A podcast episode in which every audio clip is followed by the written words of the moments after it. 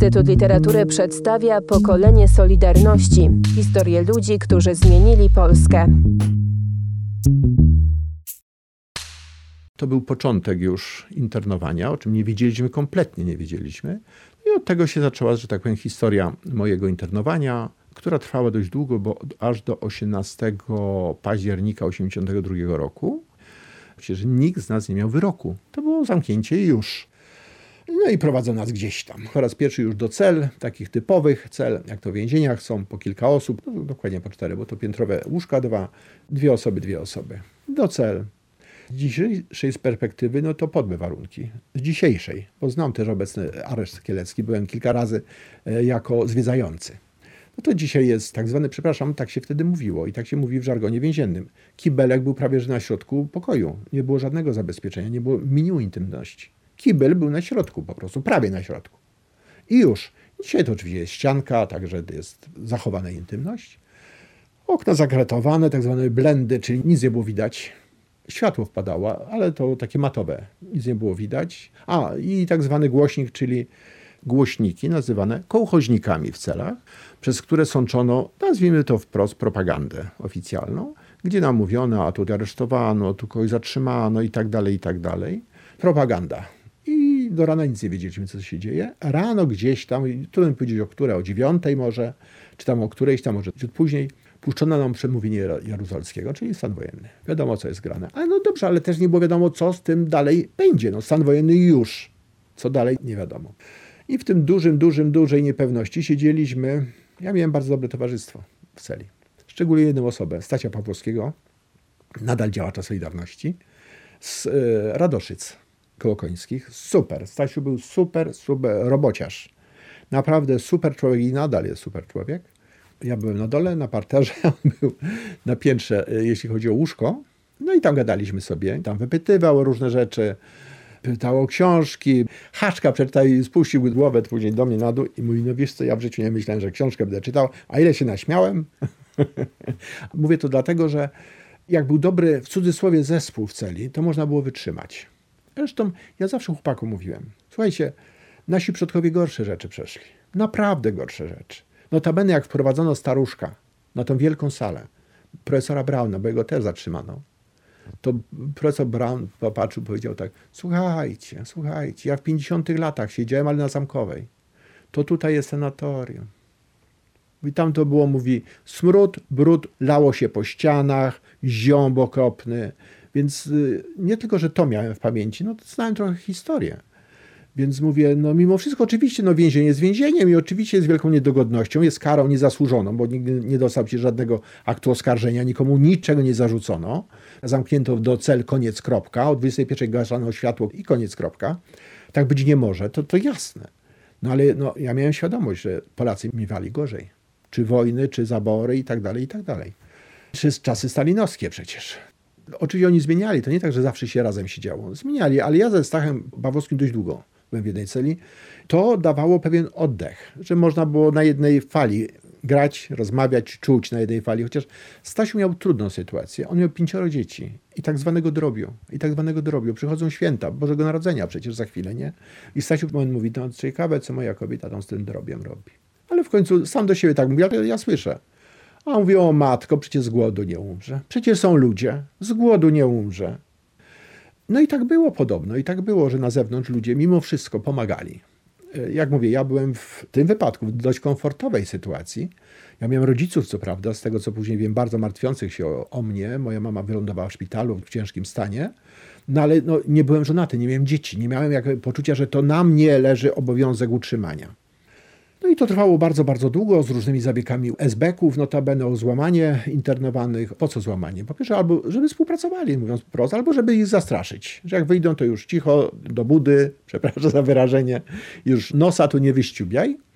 I powiem taką jedną rzecz tylko, żeby pokazać, jakie metody. Cyle jak cyle, ale metody. Oczywiście byłem wzywany, no trudno było odmówić, bo jest się więźniem, przychodzi strażnik i mówi, Bartosz wychodzić. Znaczy nie na wolność, tylko z celi, nie? No i prowadzi gdzieś, wszędzie wszystko jest zakratowane i tak dalej, i tak dalej. Wprowadza do pokoju. No w pokoju no widać, że są siedzi esbek. Zresztą mieli zawsze, podział ról był taki, że był tak zwany dobry i zły policjant. Jeden groził tam pistoletem zastrzelić i taki, siaki, tu leciało słownictwo niecenzuralne, a drugi mówił, ale panie magistrze, wie pan, tu u nas są też prymitywy, między nami to my się dogadamy, ja też jestem tam kimś tam zawodu.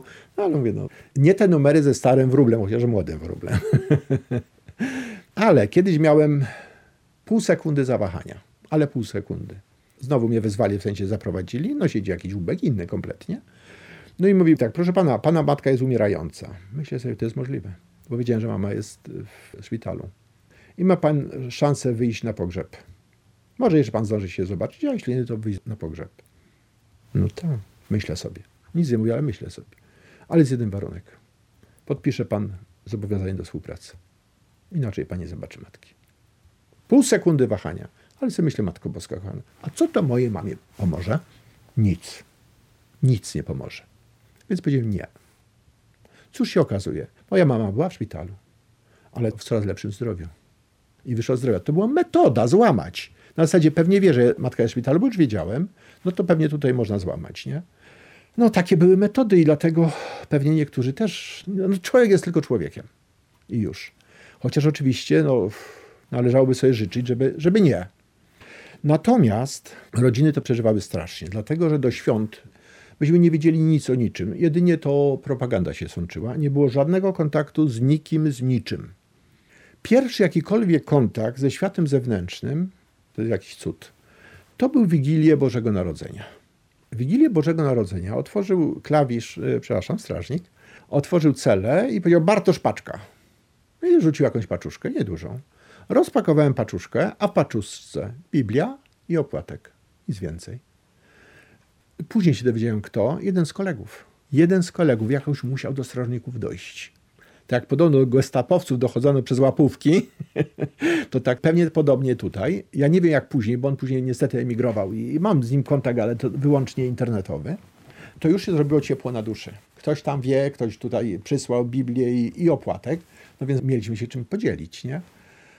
Natomiast y, taki już fizyczny kontakt ze światem to był drugiego, dopiero drugiego dnia Bożego Narodzenia, kiedy dopuszczono do więzienia ówczesnego proboszcza katedra późniejszego biskupa Mieczysława Jaworskiego oraz proboszcza parafii y, wojskowej, którzy mieli prawo odprawić mszę świętla dla nas, dla internowanych.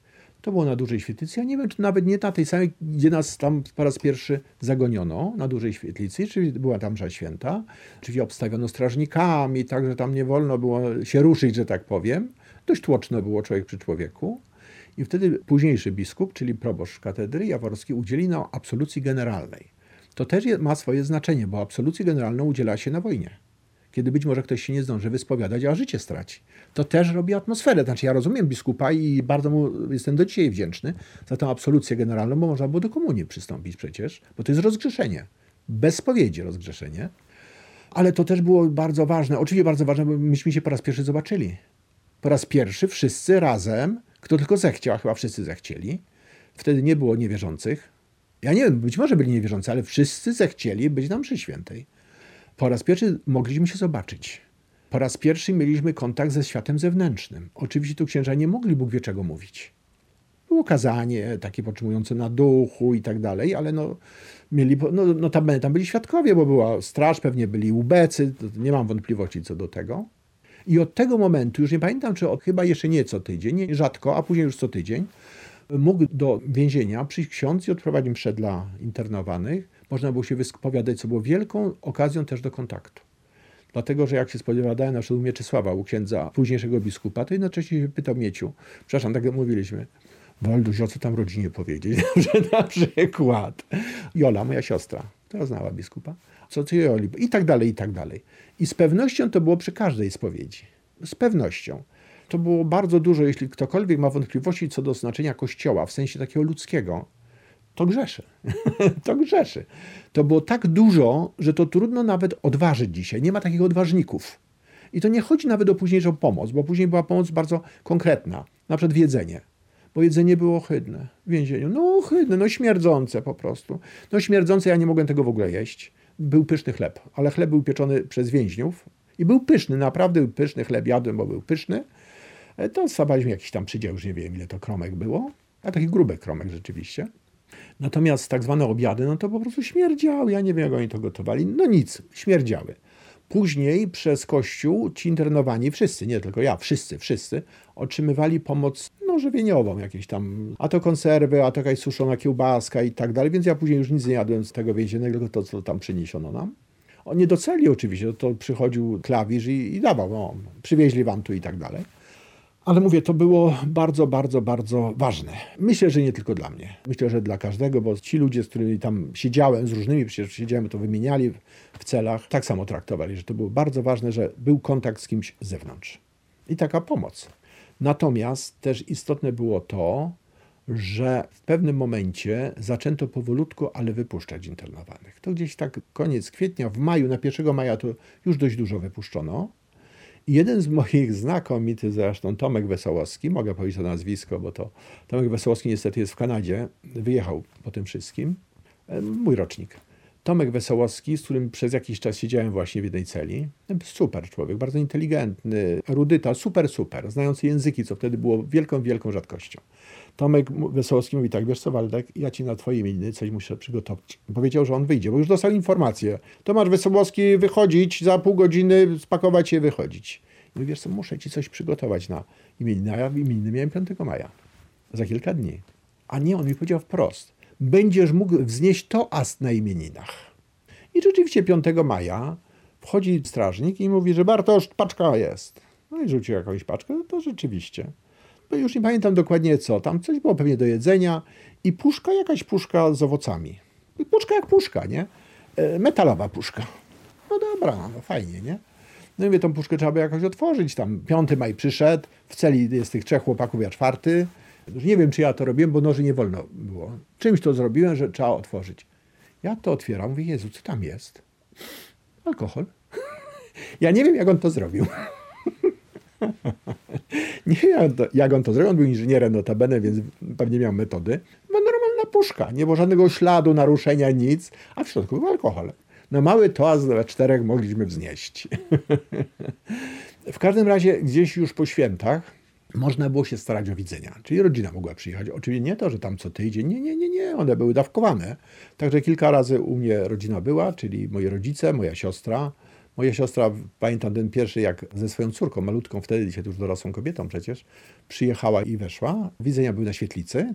No i oczywiście zapłakana strasznie, okropnie. No to ja pocieszałem. Myśmy mieli znaczki w klapach w więzieniu. Sami sobie zrobiliśmy jakoś tam w więzieniu. Jakiś tam deszczułek, no co kto miał, to sobie tam zrobił e, znaczek. I Jolka mówi, moja siostra mówi, Boże, zamknąć cię. Ja wie gdzie? Ja już siedzę, gdzie mnie zamkną? No przepraszam. Myśmy sobie żartowali, to tu jest wolność. Co nam zrobią? No mogą jeszcze zabić. No jeszcze, co najwyżej, nie? Ale przecież my już siedzimy. Od Wielkiej Nocy otworzono cele. Co to znaczy? Można było przechodzić z celi do celi. Nie z więzienia, ale z celi do celi. No to już była większa swoboda, można do kolegów. Dyskusje były wszystko o kraju, co się dzieje. Wcześniej był wujek, przecież ofiary śmiertelne. Śpiewaliśmy nasze pieśni i patriotyczne, i Solidarności już były pieśni. No ale mówię, to czujmy się wolni. Zaczęliśmy wydawać naszą gazetkę. Tak. Ale gazetkę robiono bardzo zmyślnie. Jak ktoś tam czekoladę nam przynosił, nie? Na widzeniach. Czekolada była w złotku. To złotko igiełkiem się literki nakłuwało to się przekładało na kartkę jakąś, kartkę też tam zdobywało się, przynosili, tuszem czy cokolwiek, no to przez te, te dziurki przechodziło, była gazetka. Krata się nazywała. Później już była kolorowa krata, bo różne tusze nam przyniesiono. Ja notabene zostawiam sobie, nadal mam niektóre egzemplarze w domu. Ona w dużej, to znaczy no może nie dużej ilości, bo przecież dużej ilości myśmy nie produkowali, przecież to nie była maszyna, to trzeba było wystukać, wystukać, znowu wystukać.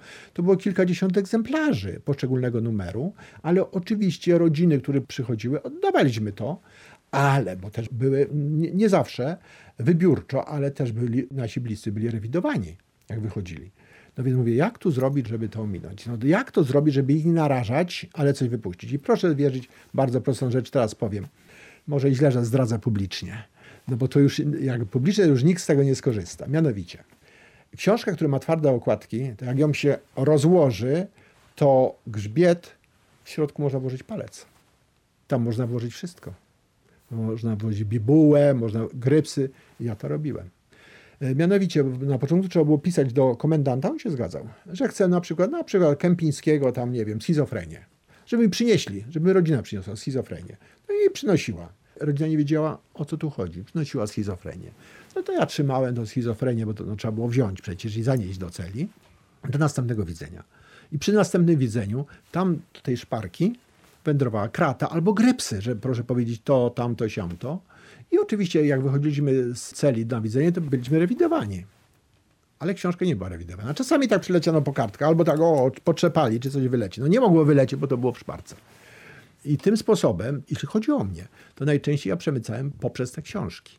A później to już wiedzieli o co chodzi. To mówiłem, zajrzyjcie tutaj. I myślę, że tym sposobem również, nie wiem kto przemuci, myślę, że albo przez poczty dyplomatyczne, albo przez kościelne, na jedno wychodziło zresztą, to przedostawało się na zachód.